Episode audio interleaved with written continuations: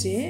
ယခုတစ်ပတ်ကျမရဲ့အမျိုးသမီးကဏ္ဍလေးအတွက် အမျိုးသမီးများကို ကိုစားပြုနိုင်ဖို့ဘလို့သောအကြောင်းအရာများကပြည်သူကို အကျိုးပြုနိုင်သလို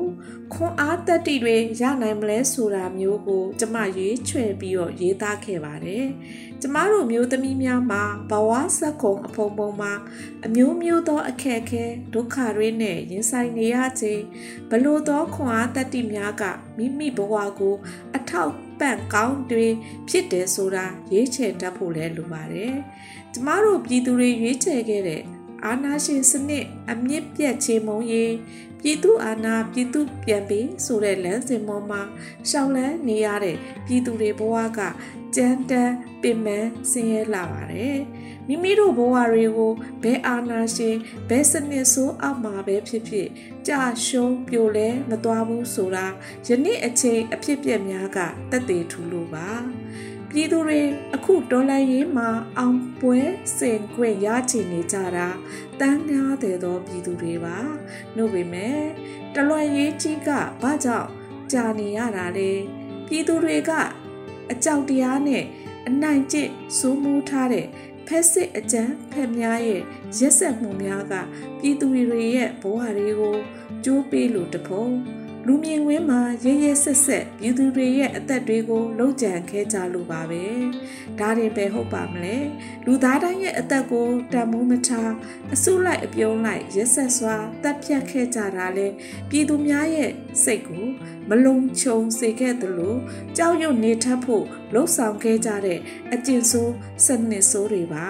တကယ်တော့ကျမတို့မြန်မာပြည်မှာအသက်ရှင်နေထိုင်ခွင့်ရကြသူတွေမှာ အာနာရှင်လက်အောက်မှာရှင်လျက်နဲ့တည်နေရတဲ့ဘဝတွေပါပဲ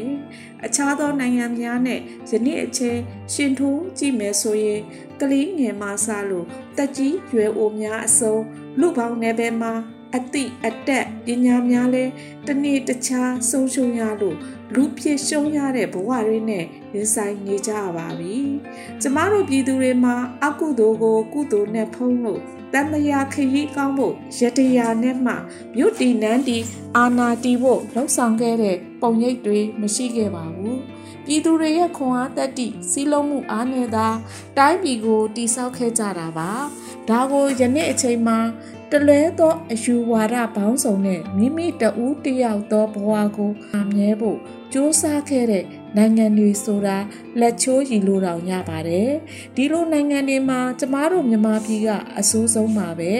မိမိလူမျိုးမိမိနိုင်ငံရဲ့ပုံရိပ်များကိုဖျက်ဆီးခဲ့တယ်လို့လူသက်သည့်ဝါဒ ပြည်သူကိုပြည်သူကညှင်းဆဲနှိပ်စက်သည့်အကျင့်ဆိုးစနစ်ဆိုးများကိုလည်းကျင့်သုံးရင်းအာဏာရှင်သက်ဆိုးရှည်စေခဲ့တာယနေ့ချိန်ထိပါ